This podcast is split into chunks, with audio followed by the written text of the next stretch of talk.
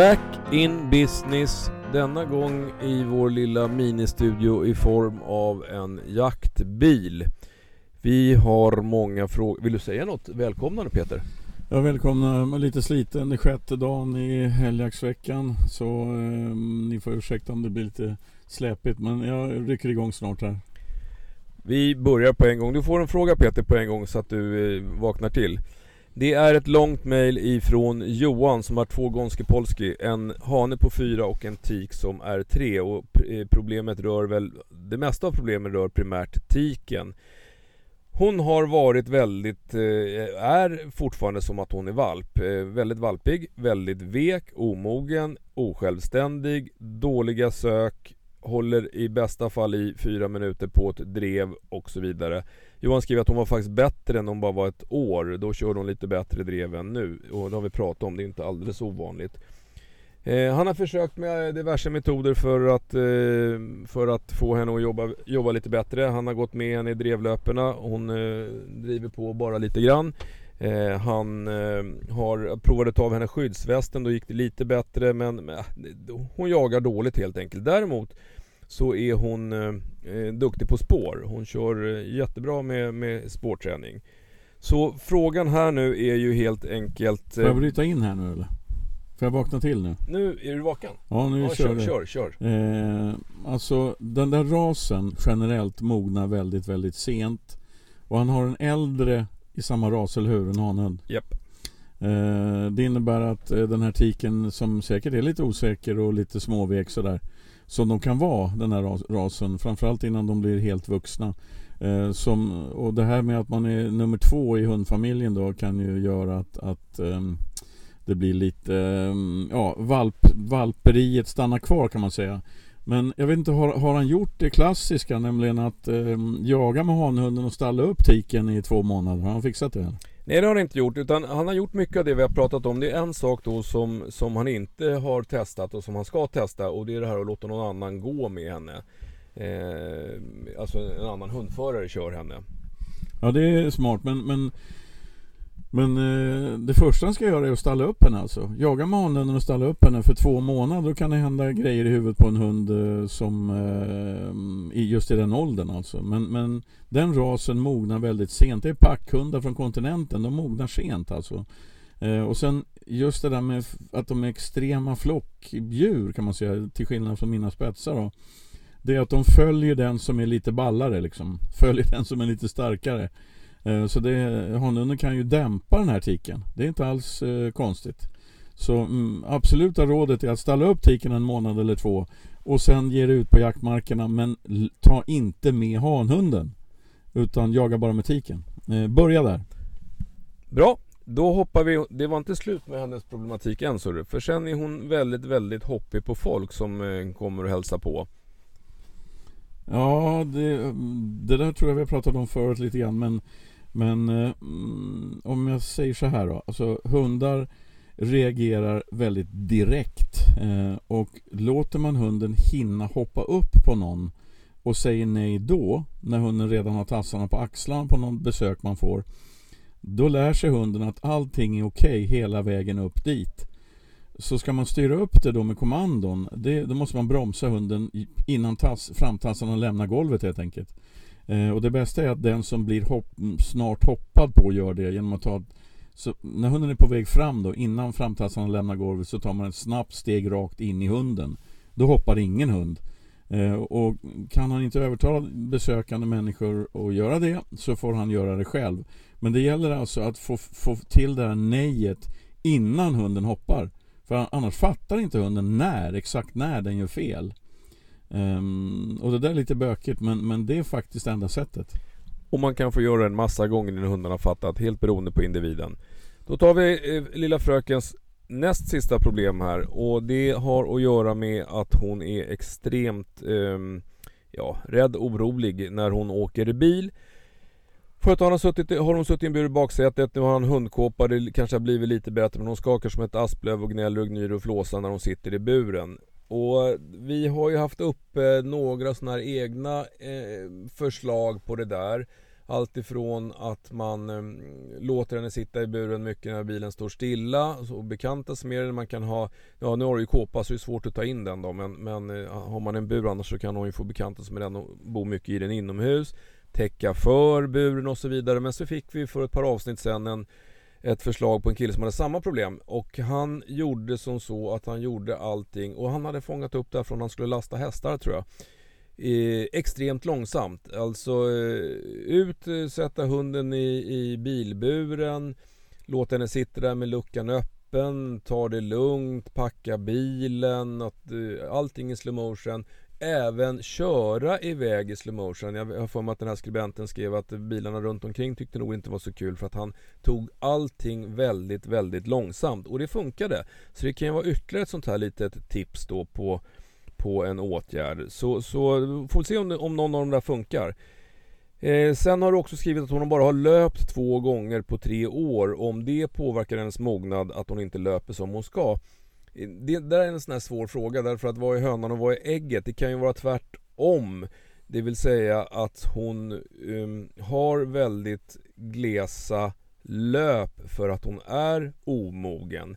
Ehm, men, men jag tror egentligen, alltså det låter ju som att det här är på många sätt en sent utvecklad hund men har hon kommit igång och löpa så så eh, borde egentligen inte det ha någon praktisk betydelse utan förhoppningsvis så har du en sent utvecklad GP och med de tipsen som Peter sa så, så kanske hon kommer igång i skogen. Sen är det ju tyvärr så att vi, vi kommer ju med sådana här generella råd och idéer och det finns trots allt tyvärr en hel del hundar som aldrig blir bra jakthundar trots att husse eller matte eller båda två gör allting fullständigt rätt. Ja, å andra sidan så vinner man mycket på att inte ge upp. Eh, man kan få igång eh, hundar som eh, Märkligt nog händer det inte så sällan att omplacerade hundar Um, ja, de, de, brukar komma igång alltså. Att, att den tidigare ägaren alltså mm, småningom inte ens känner igen sin egen hund. Alltså den förändrar sina beteenden när den hamnar i en helt annan miljö. För så är ju hundar, de är överlevare och anpassar sig till nya omständigheter och nya situationer och nya miljöer. Uh, så ge inte upp och framförallt ge den här tiken tid. Sista frågan som jag är, är, väldigt enkel. Jag tror egentligen att den rör hanhunden för han har lite issues som husse skriver med andra hanhundar. Men eh, han har fått lite tricks, eh, tips och tricks från Peter. Nu har han en kort koncis fråga och det gäller alla andra också. Hur gör man för att boka in privatlektioner med Peter Ekeström? Eh, jag går in på min Facebook-sida Peter och tecken Dogworks. Eh, där finns alla, all sån här kontaktinformation och så. Eh, och tack för förtroendet. Emil har en tre, snart treårig ADB. I december förra året, 2019, flyttade Emil till hus och sedan dess har den här ADBn då eh, börjat, eh, nu, nu, ringde telefonen, det var ingen hund som skällde. Eh, har den här hunden börjat kissa inne nattetid och även någon liten bajs har kommit eh, inne nattetid också. Eh, Emil skriver att det verkar som att hunden vet att den har gjort knas därför att den eh, drar sig undan på morgonen eller gömmer sig eller står och skäms. Det som är lite extra speciellt med det här är att det kan gå flera veckor utan att det är något problem alls. Eh, och hunden säger aldrig till att han vill gå ut på natten så att det låter ju mer som ett beteende än att han faktiskt är nödig. Försökt att begränsa honom på mindre områden, det har inte heller fungerat. Eh, ja, eh, det är svårt att säga men någonting har hänt då i den här flytten. Eh, begränsade områden, vi vet inte riktigt vad det betyder men, men Eh, Eh, ska man begränsa ett område för att få en vuxen hund att sluta kissa inne då måste man begränsa det rejält som till exempel sätta ihop fyra kompostgrindar liksom och ha en bädd eh, över hela golvet där. Då, då kissar ingen vuxen hund. Om det inte är något eh, med medicinskt fel eller något. Och tips nummer två är att eh, som jag brukar göra med unghundar då, det är att man, man går ut en sista gång i lugn och ro eh, utan lek, utan någonting utan man rastar hunden sent på kvällen. Vi människor är vanedjur. Alltså, vissa går och lägger sig halv tio och halv elva och sådär. Men um, en, en sen, extra sen promenad. Håller uppe lite längre och en sen promenad. Så man så hunden gör ifrån sig helt enkelt. Eh, och sen naturligtvis följd av att man går upp tidigt på morgonen. Men ska man begränsa då är det, då är det små ytor. Och mm, mm, sista tipset då är att begränsa en yta i ett helt annat rum.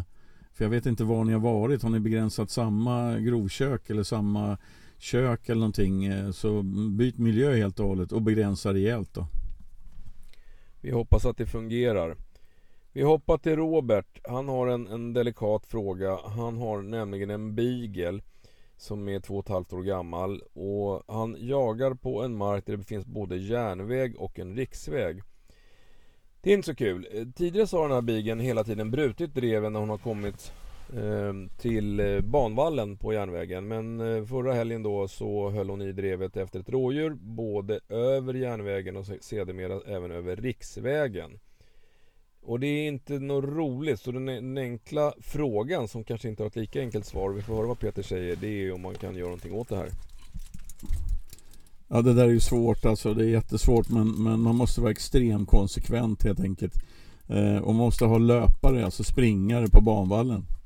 Man måste stoppa hunden helt enkelt. Um, eh, ja det, det är sådär som man förr i tiden fick fram eh, såthundar på, på stormarker att man har eh, ja, att man har kortdrivarna liksom, att man har folk på vägar och gärden runt om varje såt som ser till att hunden stannar helt enkelt. Och man, man skrämmer hunden, man, blir, man lackar till på hunden och motar tillbaka den in i såten igen. Jag kan inte se att det finns något annat sätt att göra. Förutom då stenhård lydnad så att man får stopp på hunden. Alltså ser man att den närmar sig järnvägen då, då blåser man på den och då kommer den. Ehm, det, det, är de två som jag kan och det där, är, det där är svårt och ska det genomföras då är det konsekvens som gäller då. Ja, och är det en eh, jakttokig beagle så finns det risk att den både har hållit på länge och långt ifrån husse. Och dessutom är jag inte förvånad att, eh, att det plötsligt händer för det innebär ju att biggen har blivit bättre på att jaga. Eh, den har blivit hårdare i jakten helt enkelt och det vill man ju ha. Man vill ju ha buktande, alltså biglar som får viltet att bukta rejält. Och kanske till och med bukta tillbaks in i rätt såt och allt det där.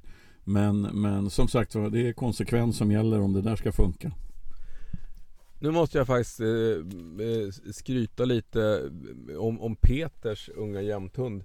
Det, oftast brukar vi vara väldigt stolta över våra egna hundar men, men eh, första dagen, eller andra dagen på älgjaktsveckan så släpptes den här unga jämten som fortfarande går under begreppet valpen som är ett och ett halvt år eh, och hittade ganska snabbt reda på ett ekipage med en eh, älg och eh, det, det visar sig, den här bilden finns på vårt Instagram som heter jakthundar och jack, eller det är en filmsekvens faktiskt.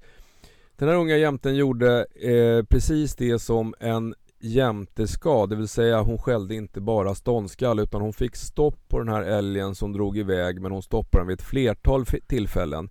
Eh, man förstår att man är jaktnörd för jag kom in ganska nära det där ståndskallet så jag tog den där filmen som ligger på Instagram när, när man tycker att det är lika roligt att stå och filma en ung jämte som att skjuta en älg, då, då förstår man att man är lite nördig. Men, men till saken hör, dessutom så fortsatte hon med den här älgen i fem och en halv timme medan vi jagade andra såter. Och det bästa av allt, till slut så gick den här kvigan tillbaks och fick sällskap av en ko och kalv och då stod hon och skällde på kalven så att Peter Ekeström kunde avsluta. Vilken drömstart på en ung jämtes jaktliv var en ball känsla. Men, men rent eh, sån här, hur funkar älgar? För att eh, hon, hon fick ju tag i det här ekipaget. Det var ju ko, kalv och kviga från början.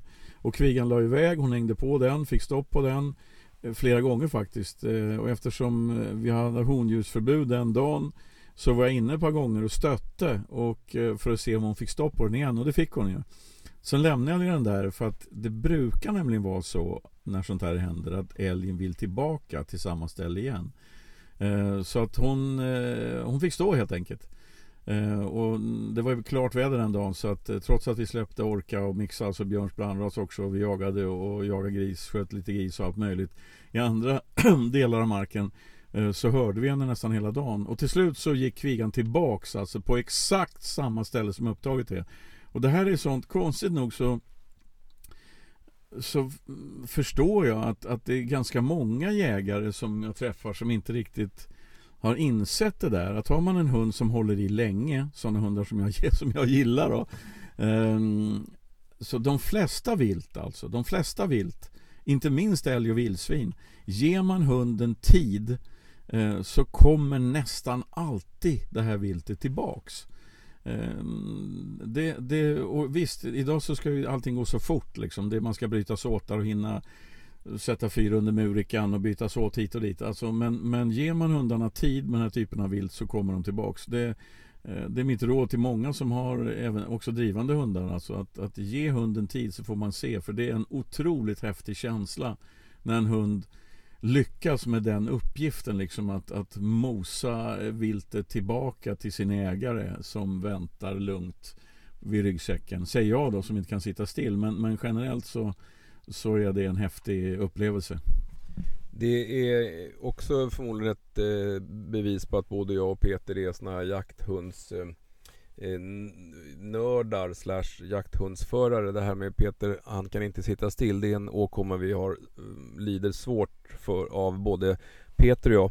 Och det en annan liten rolig anekdot varför jag nu ska ta den, men jag gör det. Eh, jag var nere och jagade i Småland förra helgen. Nu finns det ju så mycket såna här läskiga grejer. Det finns ju såna här appar, jaktappar som gör att man har koll på var alla passkyttarna eh, och hundförare och hundar och grejer i skogen. Vilket i och för sig är jättebra ur ett säkerhetsperspektiv. Men, men på den här jakten så, så var det en, eh, en av passkyttarna som hade sumpat sin eh, eh, sitt slutstycke på såten innan så han åkte tillbaks för att hämta den och han satt på ett av de heta passen och jag gick inte med hund så då sa jag att ja, men då besätter jag det där tornet under tiden tills du kommer tillbaka. Eh, och insåg sen efteråt att eh, man är ju storebror ser dig därför att när vi kom till fikan sen så var det en av mina jaktkompisar som sa att du slog nu nytt rekord idag. Jag såg när du satte dig i tornet på appen och du satt i 4,2 minuter innan du gick därifrån. Bra jobbat Björn.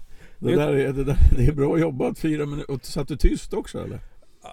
Ja, det tror jag nog. Ja, du kollade nog mejlen eller något. Eh, det brukar vara så. Men vad fan, du drog ju ner en jättegris för orka i måndags också, istället för älg. Ja, det var faktiskt det var en väldigt spännande jakt. Det var en gris som var lite lätt skammad eh, och som orkade mycket, mycket förtjänstfullt ställde ut i en stor, hög, vass, väldigt tät. Det är en sån här skräckblandad förtjusning varje gång man går in på de där och, och jag hade tur också men, men det Får var... jag bryta dig där? Skräckblandad, skräck vet jag inte riktigt för att jag kom från andra hållet men du var du var lite närmare och du hörde ju på din röst där att jag är bara tio meter ifrån, får jag gå in, får jag gå in, får jag gå in? Så särskilt skräckslagen var du nog fan inte. Nej, nej, okej, okay, den åkte omkull. Det var en, en rejäl eh, pjäs på 110 pannor och eh, Orka gjorde ett jättejobb där också. Så att. Eh. Men där har vi nästa grej med rutinerad hund. Orka Borka är ju gammal och sliten nu i kroppen men hon kan det där alltså för att när hon hör eh, att Björn närmar sig, vad händer då? Ja, då går hon in och retar grisen lite extra då istället för att vara den här superställande hunden. Och vad händer då? Ja, då kommer ju grisen ut alltså, så att du kan skjuta. Det, det där är, så att återigen, det där vill jag mm, poängtera liksom. När man har framförallt unga hundar som ska lära sig det ge dem tid att jaga. Var inte så fruktansvärt snabb och komma till avslut jämt. Utan låt, dem, låt löshundarna lära sig jobbet. Det vinner man på sen. Sen har man x antal, många säsonger framför sig med en hund som, som kan jobbet. Nu hoppar vi in på en fråga igen. Då är det Timmy som har en drevertik, hon är bara dryga året, funkar bra i skogen. Timmy kom på en grej i somras att han, han kanske ska testa att släppa den här dreven i ett vildsvinshägn bara för att se hur hon reagerar. Eh, för att han jagar på marker i Västsverige där det är mycket gris och han, som jag tolkar vill han naturligtvis inte att de ska jaga vildsvin utan de ska jagas rå och dov. Så... Varför ska han in i ett vildsvinshägn då om man inte vill att de ska jaga vildsvin? Hans tro är att, eller förhoppning är att han, när hon får se att husse inte bryr sig om de där vildsvinen att då hunden ska förstå att det här är ingenting att hålla på med. Okej, okay. ja men alltså det, det, kan vara kul om man testar den varianten då men Men jag skulle gjort så att jag skulle jaga rådjur och dåvilt och hare och räv eller vad det nu är han vill att den här dreven ska jaga och lägga krutet där och jaga in med kvalitet och undvika släppa i supertäta planteringarna där det luktar vildsvin i vinden. Utan alltså bejaka det vilt man vill att hunden ska jaga och strunta i det vilt hunden inte ska jaga. Och en ung drever som man släpper in i ett vildsvinshägn. Jag skulle, det är lite singla slant, liksom 50-50. Men, men eh, var ju som min sista drev, gamla Agnes, liksom, när hon upptäckte viltet vildsvin. Ja, vad fan, det är klart att hon jagar dem liksom. Eh, och, eh, så att eh, undvik vildsvin istället. Åk inte till ett hägn. Eh, alltså, gör som du vill, men jag skulle inte göra det. Jaga med kvalitet. Släpp henne där du har gott om råd, gott om dov. Så kommer hon förhoppningsvis köra dem även i framtiden. Då har vi en Peter till som inte heter Ekeström ehm, och han har en dreverhane som är två och ett halvt år som inte riktigt har kommit igång med jakten. Det lät som första säsongen var ganska okej. Okay. Sen så blev det mycket förföljande, ganska långa förföljande men inga skall. Sen hamnade, hamnade Peter, eller snarare dreven i den här svängen med halsinfektioner, åkte på flera halsinfektioner, så småningom åkte halsmandlarna bort, eller tonsillerna eh, och antibiotika och hela balletten. Sen så har den här dreven börjat säsongen ganska så bra, gått ut lite mer, lite, lite kortare drev men ändå med skall. Och igår när Peter skrev det här så, så drev han med skall ett par hundra meter. Sen sprang han in i en eltråd till en kohage. Fick förmodligen en stöt. Och sen efter det så fortsatte han att förfölja men slutade skälla igen. Och sen så har han ytterligare haft ett, ett förföljande på get och kid i 20 minuter men inte ett enda skall. Kan han ha blivit rädd från, för eltråden och därmed slutat skalla igen? Hur gammal var han? Två och ett halvt. Ja det låter ju som Det där med halsinfektioner har naturligtvis påverkat saker och ting och sen kanske han är Han är kanske är hård i skallet den här dreven Det finns ju sådana Drivande hundar som har lite eh, De som kallas 100% ärliga Det vill säga Hör man dem skälla då, då är de Då har de verkligen vilt framför sig. Till skillnad från min gamla drev-Ragnes. Som var så lös och passkyttarna trodde att det var fullt Fullt drev i skogen när hon gick och väckte. Ehm, Då är man för lös. Jag tyckte det var häftigt i och för sig men hon var för lös. Ehm, jag, jag tror att Alltså det är otroligt svårt att säga om den här elstöten har men, men det är klart, det kan den ju göra om han var mitt i skallet när han fick den här smällen och sådär. Men en drever som är två och ett halvt och som har haft massa halsinfektioner och strul liksom som inte har kommit igång riktigt. Du ska få ett råd. Jaga. Mycket. Alltså, släpp den bara, låt den jaga. Uh, Och är, är det en drever i rätta virket så kommer nog skallet att komma, det är jag rätt säker på vi är i början på säsongen, vi håller tummarna för att Peter får rätt i sin förutsägelse. Om det inte kan finnas något, något veterinärmedicin som man kan lägga till? Nej, nu eh, har vi pratat om halsmandlar förut. Vi vet ju att man kan operera bort om det inte alltid det hjälper och det är inte alltid man får bort eh, alla tonsillrester eller allting av halsmandlarna men då borde ju hunden ha någon typ av symptom i övrigt också. Men, eh, nej, men vi får hoppas att, att eh, han kommer av sig med, eh, med en elchock. Och att det kommer tillbaka när han får jaga. Ja, gå ner till halvtid. Jaga tre och en halv dag i veckan minst hela säsongen. Det är det absoluta rådet. Det, det är ett lysande råd Peter. Du, ska vi bara kasta in nu, vi är snart mitt i det här va? Det här med, med att vi snart kommer gå över till någonting som heter Patreon. Det vill säga, eh, vi har bestämt oss för att inte ha annonser och sånt i, i våran podd. Eh, men vi måste ju tjäna lite pengar på det för att det tar massor med tid och, och sådär. Vi vill ju göra det så men, men eh, det tar tid och det har kostat lite pengar och så. Men, men vi, har, vi har funderat på det här med sponsorer jättemycket och så men jag har lyssnat igenom eh, andra poddar och det blir lite små, känns lite småkonstigt att när en jackpodd börjar med till exempel en reklamjingel om, eh, om någon av Sveriges största hamburgerkedjor liksom, när man ska prata jakthundar sen. Eh, alltså folk får göra precis som hur de vill för att tjäna pengar. Jag har stor respekt för allt det där. Men just för oss så kändes det lite konstigt och därför Björn, du är expert på det där nu. Ja. Vad är det som kommer hända? Ja, expert ska jag nog inte titulera mig än i alla fall. Nej men det, det är precis som Peter säger. Eh, vi trodde ju, det har vi sagt förut, vi trodde inte det här skulle bli så stort. Det här tar eh, ganska mycket tid nu. Eh, ganska mycket bilåka plus att vi har rätt mycket sådana här kreativa idéer hur vi vill göra den här podden ännu bättre. Jag tror jag har sagt det förut också att vi skulle gärna vilja eh, investera i någon bra portabel inspelningsutrustning så vi kan göra lite schyssta grejer när vi är i skogen där vi så här års är väldigt ofta. Eh, kanske lite mer instruktiva videofilmer och sånt där som har, har eh, samma innehåll som det vi försöker förmedla med ord. Då. Så att då har vi hittat den här eh, tjänsten som heter Patreon eller Patreon. Som finns både som en app som, som man kan ladda ner som vilken app som helst som heter Patreon. Eh, och den finns eh, laddad ner på datorn, patreon.com där man helt enkelt ehm, laddar ner sina eh, sina poddar eller eh, filmleverantörer eller vad sjutton man nu vill och så betalar man en peng för det. Eh, och i vårt fall har vi gjort så här därför att det här Patreon man kan ha en peng på olika nivåer och därmed också ha olika innehåll. Och vi har väl en tanke om att vi har nu kommer att lägga ut en Patreon Alltså Jakthund och Jakt kommer ligga på Patreon. Eh, de som vill fortsätta att lyssna kommer att betala 3 euro per månad Vilket blir en 6-7 kronor per avsnitt om vi håller den här takten. Och det, det är liksom det lägsta beloppet man får ha på Patreon. Det finns eh, ett antal högre så men vi lägger oss så lågt vi kan. Sen har vi faktiskt, och det kan vi för de som, som följer med över till Patreon så ligger det en, tror jag, 6 euros eh, eh, alternativ där också och man får jättegärna betala det om man vill men det står faktiskt i klartext att det är onödigt att göra det för det innehåller ingenting mer i nuläget. Men där kanske vi så småningom kommer lägga in filmmaterial och instruktionsfilmer och eh, annat. Vi, vi har inte riktigt kommit så långt än. Men de här 55 avsnitten vi har gjort eller hur många det nu är, de kommer ju ligga kvar som gratispoddar? Alldeles rätt, de ligger kvar. Vi stänger inte det vi redan har producerat utan det här blir nyproducerat. Och då har vi tänkt så här, för vi har fortfarande ett antal frågor som vi inte har hunnit med att besvara. Vi kommer att besvara alla frågor fram till på måndag den 19 som vi har fått på jakthundarojakt.gmail.com.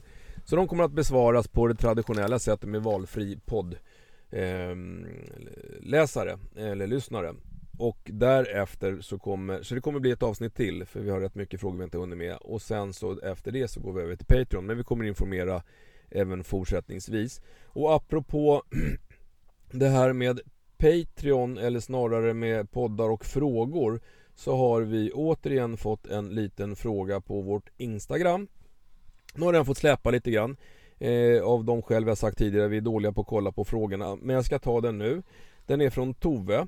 Eh, hon berömmer vår podd, vi tackar för det. Hon har en fyra månaders eh, blandras, gråhund karelare, ett energiknippe. Och frågan där är helt enkelt hur långa promenader får hon ta? Och det, det är som hon säger, det är en svår fråga att svara exakt på. Men hon har väldigt mycket energi. Eh, Matte har tagit 4 km promenader med henne på kvällen innan läggdags och hon blir inte ett dugg trött. Det tror inte jag heller. En, en, en fyra månaders valp eh, har nog inga problem med 4 kilometer. Eh, frågan är egentligen hur länge bör en valp gå? Eh, och, och det där är en, som Matte skriver, det är en svår fråga att svara exakt på. Jag personligen är ju av den uppfattningen att det ska väldigt, väldigt långa promenader eller promenader tror jag inte ens att de blir skadliga förrän de kommer upp extremt långa men, men det, ska upp, det ska till mycket, mycket fysisk aktivitet för att en valp ska ta skada. Eh, och, och, det finns ju få grejer som, som jag, där jag går in liksom och säger att nu är det färdigmotionerat för min valp. En av dem kan vara två unga hundar, två valpar som leker med varandra. För där kan det liksom bli så himla roligt så att de känner inte ens att de är trötta och, och det kan bli ganska intensivt. Men annars så är, är mitt, mitt generella råd när jag får den här frågan och jag får den ganska ofta att Gå promenader med en ung hund, en valp. Det kan man göra. 4 km är absolut inga problem. Valpen kommer inte bli trött och det är just det som är liksom signalen. Har man en valp som är antingen börjar släpa efter i kopplet när man är ute på promenaden eller ligger helt eh, platt på sidan och skittrött efter aktivitet promenad. Ja då kanske man har tagit i lite för mycket. Men, men så länge man har en valp som är lika pigg och lycklig under promenaden som den är efter promenaden då har man inte tagit i för mycket. De tål mer än man tror. Ja och sen så ett tips i sammanhanget är ju då att eh, det är inte så lätt att trötta ut den där valpen som hon berättar om fysiskt. Men däremot så har de inte särskilt stort mentalt batteri så lite nosövningar och hitta godis eller följa korta spår eller någonting eh, på promenaden det brukar väldigt snabbt visa sig att det blir de trötta av i huvudet och då, det ser man på samma sätt då i kroppen kan man säga. Bra tips, för det är faktiskt så att fysiskt är det svårt att trötta ut en valp men, men får de jobba lite med skallen samtidigt så, så ger det effekt. Mattias har faktiskt mejlat oss ända ifrån Österbotten i Finland. Han håller på att ta jägarexamen och eh, tycker att all jakt med hund är hur häftig som helst. Bra kille. Han har en, en härlig blandras, en tvåårig Milo. Det är en flat-coated, en golden, eller en, det är en blandning av flat-coated golden schäfer och en polsk vallhund. Ja, för eh, mässa en bild eller skicka in en bild till, till gmail.com Han skriver faktiskt att det ser ut som en klenare byggd flatte. Men frågan är helt enkelt, han, jag vet inte om, om Mattias är tänkt att jaga med, med den här som löshund, men han spårar uppenbarligen med honom. Mycket klövar, mycket blod. Eh, men har då märkt att, att Milo mitt i spåren kan byta till ett friskt viltspår helt mitt i. Hur får jag honom att hållas i blod och klövspåret? Eh, bejaka spårandet. Eh, gör som eh, ja, som polisomförande gör när de får fram sina fantastiska spårhundar, nämligen att man belönar i spåret. Och, eh, de jobbar ju med personspår, alltså då är det en person som går och så varje gång man lyfter på klacken så lägger man en liten godbit i spåret för att man ska lära de här spårhundarna att markera varje fotspår. Ehm, jag brukar själv göra så då när jag spårtränar mina hundar, unga hundar att eh, jag då och då langar en köttbulle över huvudet på dem så de hittar den i spåret. Det här låter ju dölöjligt men jag lovar, de kommer bli mer fokuserade i spåret. De får belöning i spåret. Av samma anledning så undviker jag att ha färdiga spårslut och berömmer hunden när den slutar spåra. Jag försöker berömma i spåret hela tiden. Eh, det är ett sätt att låsa dem i, i löpan kan man säga. Eh, nu kommer folk tillbaka från jakten här. Vi, vi smet ju faktiskt idag för att eh, det var ju faktiskt så att den här jakten slutade med att en kille sköt en stor älgtjur. Ehm, tyvärr sköt han inte den för en hund, det gjorde mig lite upprörd. Men, men han gjorde det och eftersom vi arbetar med att göra radio så, så hade vi det som förevändning, förevändning att slippa släppa älg. Ehm, ja, det, ibland måste man prata sanning också i radio. Ja, så, ja vi, vi hade en liten, vi hade faktiskt, vi skulle åka och hämta en jämthund som stod med en eh, älgtjur också. Ja precis, ja, det är också en bra, det är bra tips alltså faktiskt. Att man släpper en unge någonstans samtidigt som man jagar en annan del av marken och sen när något skjuts som är tungt att släpa då säger man det som hundförare att oj oj oj jag måste hämta min unghund. Funkar varje gång jag måste faktiskt, jag kom på en rätt häftig grej också. Vi pratade om eltråd och den här som, som hade slutat skalla efter eltråden.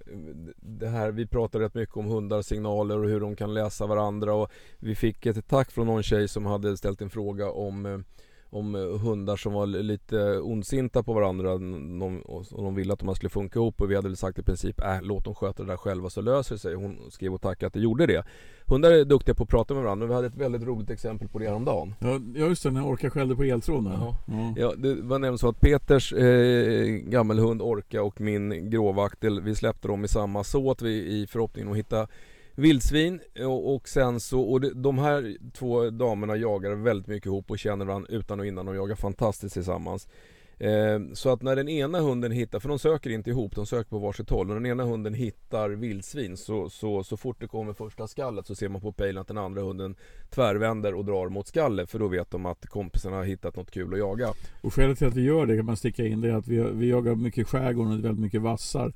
Eh, och det blir ett väldigt, helt annat tryck på vildsvinen i vassarna. Man, man kommer åt att skjuta mycket bättre om man har två samjagande spetsar.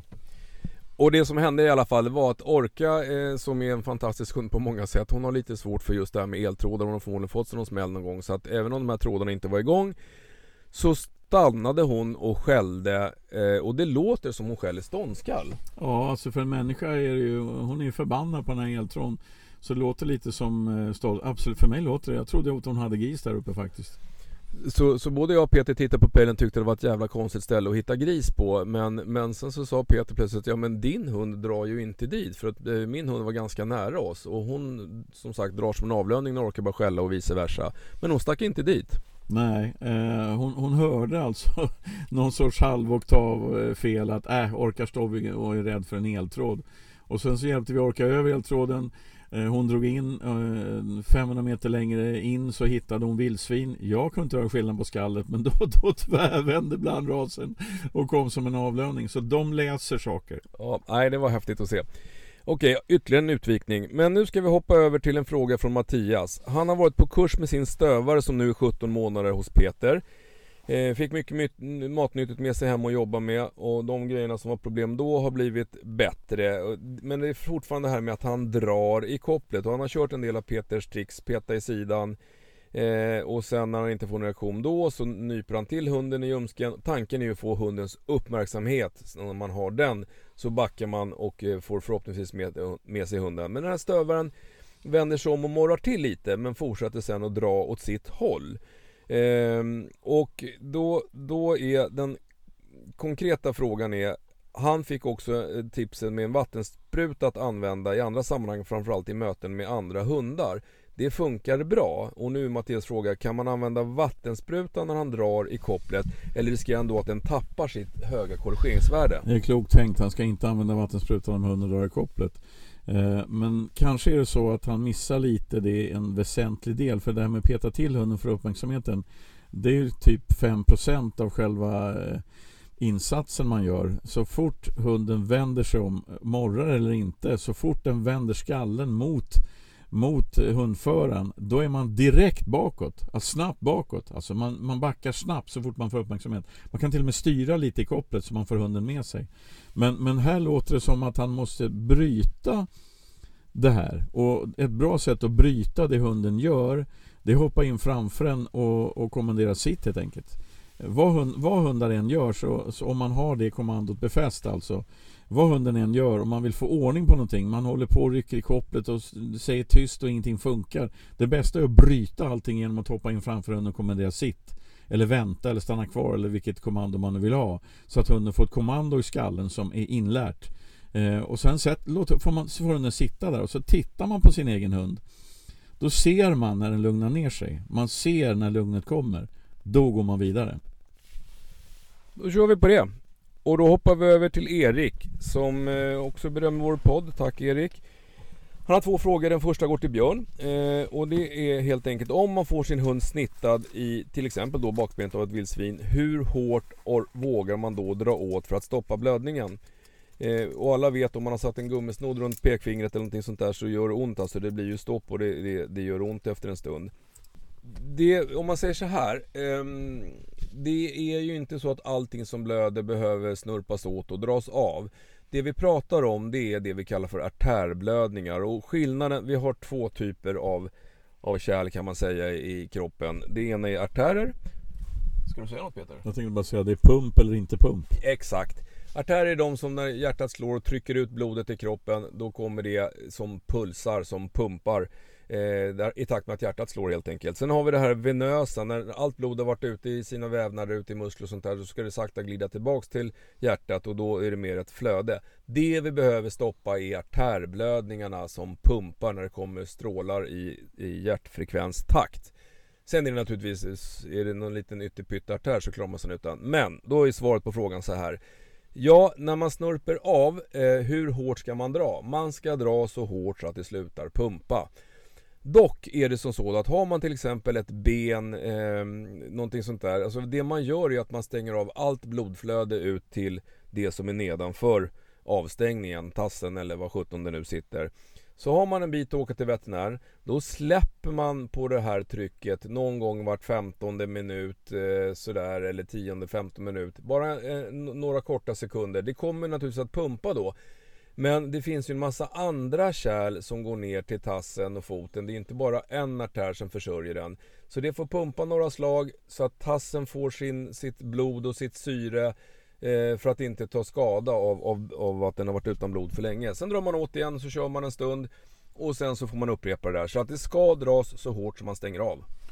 Av den enkla anledningen att har man mer än mer än eh, ett mm, hagelskotts avstånd till veterinären och en hund och det pumpar, men hur mycket blod är i din hund? Det är ju det. Man, alltså den, man tömmer ju hunden med blod om det får pumpa.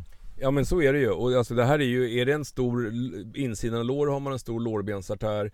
Eh, är, är det en sån som har rykt va, då går det ganska fort att förblöda så man har liksom ingen val. Stäng av, stäng av pumpen. Eh, fråga två är till Peter. Det är en fyra månaders jämthundsvalpsfråga. Och när, han var, när, när um, vi skriver, så det är kanske husse och matte, jag vet inte. Men de var nere vid sjön och badade och valpen for runt och eh, rullade sig och busade och till sist så ramlade ner i vattnet. Hamnade helt under vatten och efter det så har han blivit vattenrädd. Det är, husse skriver att han vågar knappt eh, hoppa över ett, eh, ett, ett traktorspår som det är vatten i. Husse vill gärna ha en hund som går över vatten efter älgar och gärna simmar om det behövs. Men, men den här valpen är jätterädd för vattenpölar och allting. Eh, hur gör man? Hur gammal är den? Ja, den var ju bara fyra månader. Ja, det är bara att sitta lugnt i båten alltså. Ta det lugnt, eh, prägla valpen, jaga in den på rätt sätt och sådär. Och eh, är det en, en löshund som är rätt avlad, om det är gångstånd till exempel eller han har synkontakt med viltet som går över vattnet så då lär han nog glömma det där med skräcken för vattenpölar. Din, din bland, blandras Mixa är väl ett bra exempel på det. Hon gillar ju inte vatten. Men så var det inte i vintras. När hon sprang efter en brungris. Nej det, nej, det är ju gråhunden i henne. Hon säger, den säger nej till allt som heter vatten. Men, men i vintras så jagade vi på en ö. Det var lite lätt sån här isskorpa, en tunn isskorpa. Och jag såg ju på pejlen att grisen hoppade i sjön och simmade och var ganska så säker, eller jag var helt säker på att hon skulle stanna vid sjökanten och komma tillbaka. Det gjorde hon inte. Nej, utan hon, tack och lov så plöjde väl den där grisen en, en ränna genom den här tunna iskorpan för att hon hängde med hela vägen över till fastlandet och fortsatte jaga på den sidan. Men å andra sidan var det så att när hon väl hade släppt den där, vi fortsatte jaga på ön, men när hon väl hade släppt den där och skulle tillbaka så satt hon ju och gnällde på fastland, eller hur? För då var det inte roligt med vatten. Det, man behöver lite, en liten motor som, eh, någonting som stimulerar det helt klart. Allt handlar om motivation. Det är samma sak med mig. Vi hoppar nu helt och hållet, nej inte helt och hållet för det här är faktiskt en, en delvis jämthund, det är en jämthundsblandning. Och det står så här ifrån Matte Paulina att eh, det, det, står att efter den här jämthundsblandningen blev själv för två år sedan och vi tolkar det, jag hoppas vi har tolkat det rätt, som att ni har haft någon annan hund som har försvunnit. Hur som helst så har den här blivit eh, den här jämthundsblandningen blivit väldigt vaktig mot vissa personer i vissa situationer. Och eh, ibland går det jättebra och andra punktmarkerar han. Och, och Paulinas pappa som, som eh, tydligen är, är, hjälper till att renovera hus har eh, den här hunden har inte brytt sig tidigare men, men nu är han på och vaktar om Paulina eller sambon är hemma samtidigt. Um, Ja, vi börjar där för det finns en fråga till. Eh, är den här frågan till mig eller? Ja, jag tror att du är bättre lämpad. Det står ingen ålder på den här jämthundsblandningen.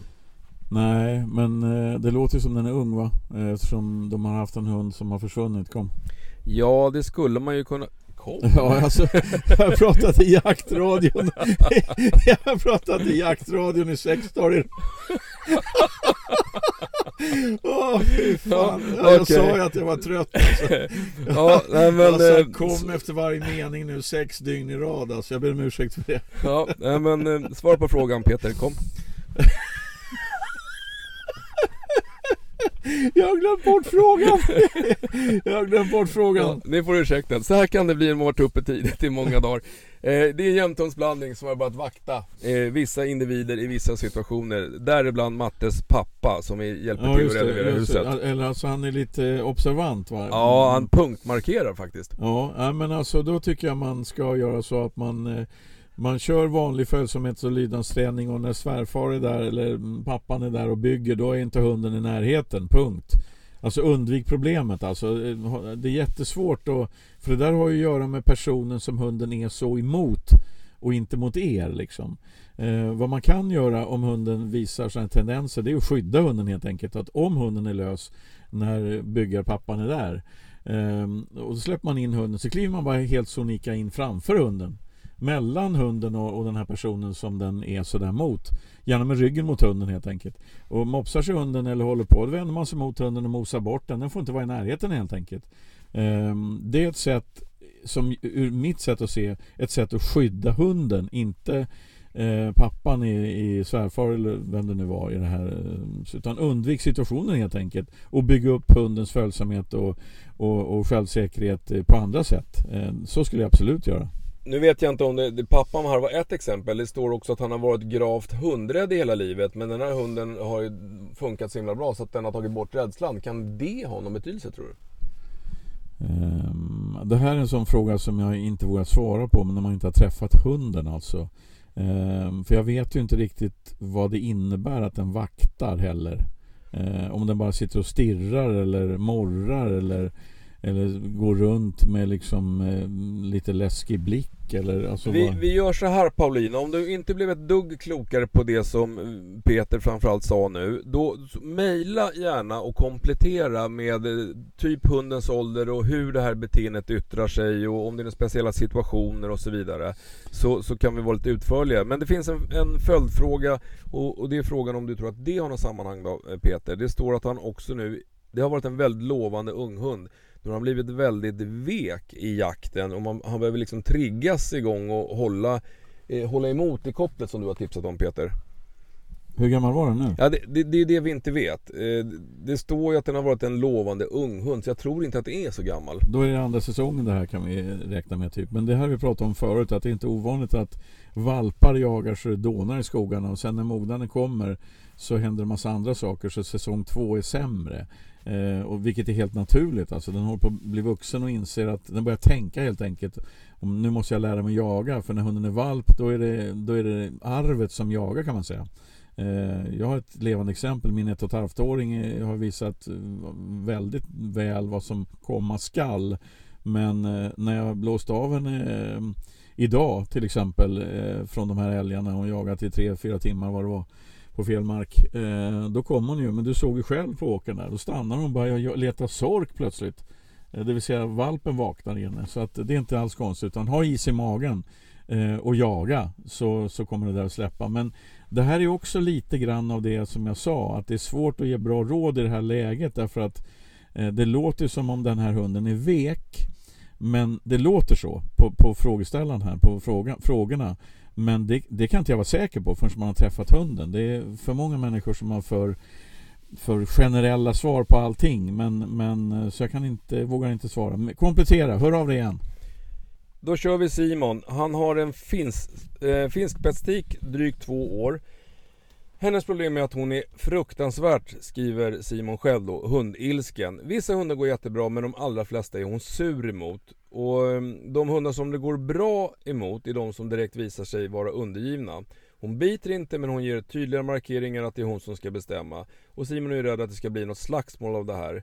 Eh, och det, den här hunden är alltså otroligt lugn och säker i övrigt, funkar jättebra och är undergiven mot människor och barn och så vidare. Eh, sen har Simon en liten eh, egen fundering. Han köpte sina två första hundar för drygt två år sedan. Den här finspetsen och en Österbils Laika, en hane. Och de här två lekte ju som valp och det var ganska våldsamma lekar. Kan det ha bidragit till att hunden är som hon är idag? Nej det tror jag inte. Jag tror att han har en dominant tik. Um, helt klart. Alltså det, det, är inte, vissa hundar har, alltså hundar har olika typer av dominansbeteenden kan man säga. Och det, här, det han beskriver här är ju en dominant finspetstik. Eh, och hon har inte bitit, hon har inte slagits utan hon är väldigt tydlig i sina signaler. Och jag menar, titta på Orka, min gamla jämte, hur hon beter sig. Alltså om en unghund eller hon möter en hund som inte svarar henne direkt, då talar hon ju om. Hon, hon kastar sig inte på hunden men hon visar med extrem tydlighet att den andra hunden ska vika. Och det är inte för att det är en dålig hund eller farlig hund utan hon är dominant. Och så länge den här hunden inte flyger på andra hundar och, och biter så, så, så eh, låt henne vara. Och framför allt, var inte rädd. Alltså om hon står och morrar hårt bredvid en och visar tänderna liksom sida, sida mot sida med en annan hund så spring inte fram och skrik eller ryck hunden bakåt eller någonting för då kan det smälla. Eh, låt hundar snacka färdigt så mycket som möjligt utan att vi lägger oss i. För vårt sätt att använda våra kroppar är obegripligt för de flesta hundar. Vi, fuckar, alltså vi strular till det mer än, än, eh, äh, än hjälper. Kom! Okej, okay, ja, då kör jag. Eh, ja, det var väl ett eh, svar på frågan. Då, då ska vi... Vi tar en kort koncis fråga. Eh, Hej, jag har en blandras som älskar att dra, funderar på att börja dragträna med vikt. Det är en blandning tysk terrier 25% drever Nej, 50% tysk 25% rever och 25% smålandsstövare. Vad behöver jag tänka på med hundar med längre rygg? Svaret på den frågan är egentligen ingenting så länge du köper en bra dragsele, det vill säga fästpunkten är vid svansroten eller gärna ännu lägre. Därför att då, då, sen, då, då drar den framåt. Sen är det med all sån här dragträning, eller all träning, man börjar på väldigt låga nivåer. Eh, du börjar med kanske 5% av hundens vikt eh, och sen så kör du det där och då kör du det i, på plan mark i en tid, sen börjar du köra 5% i kuperad terräng, sen bygger du på. Och precis som jag sa med den här gråhundsvalpen, hur mycket man kan motionera den. Du bygger sakta på, se till att du håller dig på, på eh, längre tid på varje nivå så att säga. Vid minsta tecken på att du märker att hunden blir stel, öm, eh, inte villig att dra någonting sånt där, då bryter du. Eh, men, men annars så är ryggar ska precis som alla andra kroppsdelar tränas så att eh, du behöver inte tänka något specifikt på det så länge du har en bra dragsele. Men två grejer alltså, låg fästpunkt. Det finns ju sådana här weightpullselar, de är svåra att gå med i skogen men ju, ju lägre fästpunkt desto, desto bättre är det. Eh, och sen ett annat tips då det är att när, också när hunden börjar bli starkare och det går bättre, öka inte tiden. Utan sätt en maxgräns på tid, 20 minuter eller någonting och så ökar istället intervallsvårigheterna för hunden när den drar. Rakt upp över bergssidor eller sandtag eller någonting annat men eh, det är bättre, alltså intervallträning för hundar precis som för människor är mycket bättre. Det bygger både muskler och syresättning. Har jag rätt veterinär? Alldeles korrekt. Och vi har faktiskt en fråga från Ester eh, som är nästan eh, identisk. Hon har skaffat eh, en korthårig tax tillsammans med sin kille. Eh, den ska jagas med. Han har, verkar ha goda förutsättningar och mycket jaktlust och så vidare. Han är fyra och en halv månad. Han övar spår och han får leka med hjortar som killen har skjutit och han är med på jakt men har inte släppts. Det blir spår och allmän prägling. Låter som en jättebra start. Och då, stå, då är den första frågan, jag och min kille undrar när det är lagom att släppa Taiko. Och ja, om, om man liksom bortser från de här fysiska grejerna så, så, så vad säger du om det Peter? Vi har haft den här frågan uppe för att nu pratar vi om en tax och det låter som en tax från bra linjer. Eh, då står det också att vi tänker inte skjuta något utan bara låta dem springa fritt i skogen. Och när anser vi sen då att det är lagom att man skjuter det första djuret för honom? Ja, alltså skogsträna och kör på liksom. Och, men men en, en bra tax, precis som en bra drever Eh, det är ju egentligen de lättaste hundarna att jaga in. Man släpper in i skogen, den börjar jaga och när den har gjort några schyssta, schyssta buktande drev då skjuter man ett djur oavsett om taxen är nio månader eller två och ett halvt år. Så känner jag. Det där märker ni. Eh, vimsar hunden runt bara och tuggar på kottar och jagar sork och rullar sig i skit och håller på och inte vet vad den... Jag menar, då är, då är den för valpig. Liksom. Det är inte så att man skjuter första bästa viltet som hunden bjäbbar på. Utan gör hunden ett bra jobb, då skjuter man drevdjuret. Sen är man hemma. Okej, och då kommer en fråga som är ställd till mig. Eh, ända sedan vi skaffade Taiko som den här taxen heter har, har Matte varit väldigt noggrann med hans rygg. Undviker att, eh, eh undviker att gå i trappor och hoppa upp och ner i soffan och så vidare. Eh, hur stor roll spelar det om hunden hoppar upp på benen på mig och ibland upp och ner i soffan? Ingen är svaret på frågan. Vi har haft det här uppe förut och alltså, ja, det är som med gråhundsvalpen. Man ska aldrig överbelasta en växande individ. Men det är heller inte bra. Jag vet att jag har sagt vid ett flertal tillfällen. Titta på er hund när den är ute och går på en plan mark. Och så tittar ni på ryggen. Ryggen är i princip parallell med marken hela tiden. Det vill säga den tränar inte speciellt mycket ryggmuskulatur när den går på plan mark. Ska man få en stark rygg så måste även ryggmuskulaturen tränas. Därmed inte sagt att en tax ska springa upp och ner i en trappa men man ska absolut inte vara rädd för att den hoppar upp och ner i soffan, att den hoppar upp på Mattes ben, att den går upp och ner i trappor under normala former. Den måste göra det för att det är när den går i kuperad terräng, när den gör eh, den typen av rörelser som den tränar ryggmusklerna och det måste den få göra. Så att eh, jag, jag tror att jag nämnt det förut, jag gillar ju det här med evolution. Va? Det, det, det finns ingen vargtik som säger åt sina valpar att de inte får hoppa upp och ner på stenar och stubbar utan de måste träna hela kroppen. Eh, och jag vet genom åren som veterinär att jag har haft eh, taxar och drevrar med diskbrock av alla kategorier hundägare. De som har burit valpen tills den blev ett år upp för alla trappor, upp i alla bilar, upp i alla soffor och de som har låtit valpen göra som den vill. Så att jag tror inte att man kan förebygga särskilt mycket genom att hindra den. Men, men kortfattat kan man säga att taxar ska gå i trappor? Ja, alltså taxar kan absolut gå i trappor. Det, det, jag menar, det är en det är ingenting som är farligt med att gå i en trappa. Däremot kanske de inte ska springa upp och ner i trappor och, och ha det som någon typ av eh, lekplats. Men det är väl som all träning. Det var ju som som dragträning förut eh, egentligen. Ja, exakt samma sak. Alltså all, all typ av träning är bra så länge man inte överbelastar eller överdriver den. Och, och titta slash lyssna på hunden. Visar den någon typ av obehag vid någon typ av träning, då får man stryka det träningsmomentet så länge. Vi tar en sista fråga Peter, jag börjar bli hungrig. Eh, Peter kom. Ja, och sen ser det, det, det blir, börjar se lite roligt ut den här bilen för vi måste ha svettats en del idag. Det är fullkomligt igenimmat här. Fukten rinner på rutorna. Och den sista frågan, eh, vem av oss ska svara på den? För det är en bajsfråga. Det får du göra. ja, vi kanske kan hjälpas åt för det är nog lite sådana här tips och tricks också.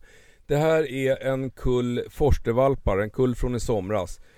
Eh, Husse har sparat två av de här valpar själv och han tycker att det mesta eh, har gått över förväntningarna med dessa fem månaders monster. Men, det kommer alltid ett men, de äter andra hundars avföring och de är helt maniska. De, och det här har tydligen kommit nu. Eh, så, och det, de, när husse springer mot dem och skriker nej så spottar de ut avföringen så hittar de på något roligare men nästa gång så är det på't igen. Eh, alla hundarna som man har äter precis samma foder. De matas två gånger om dagen och de får rikliga portioner. De får ordentligt med motion. Varför gör de plötsligt detta? Ja, det är ett bra sätt att få igång husse låter det som. Alltså det är en vana. De har, de har skaffat sig en vana.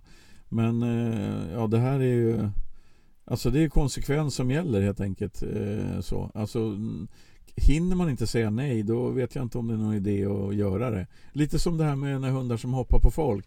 Säger man nej för sent eh, då är det för sent. Alltså.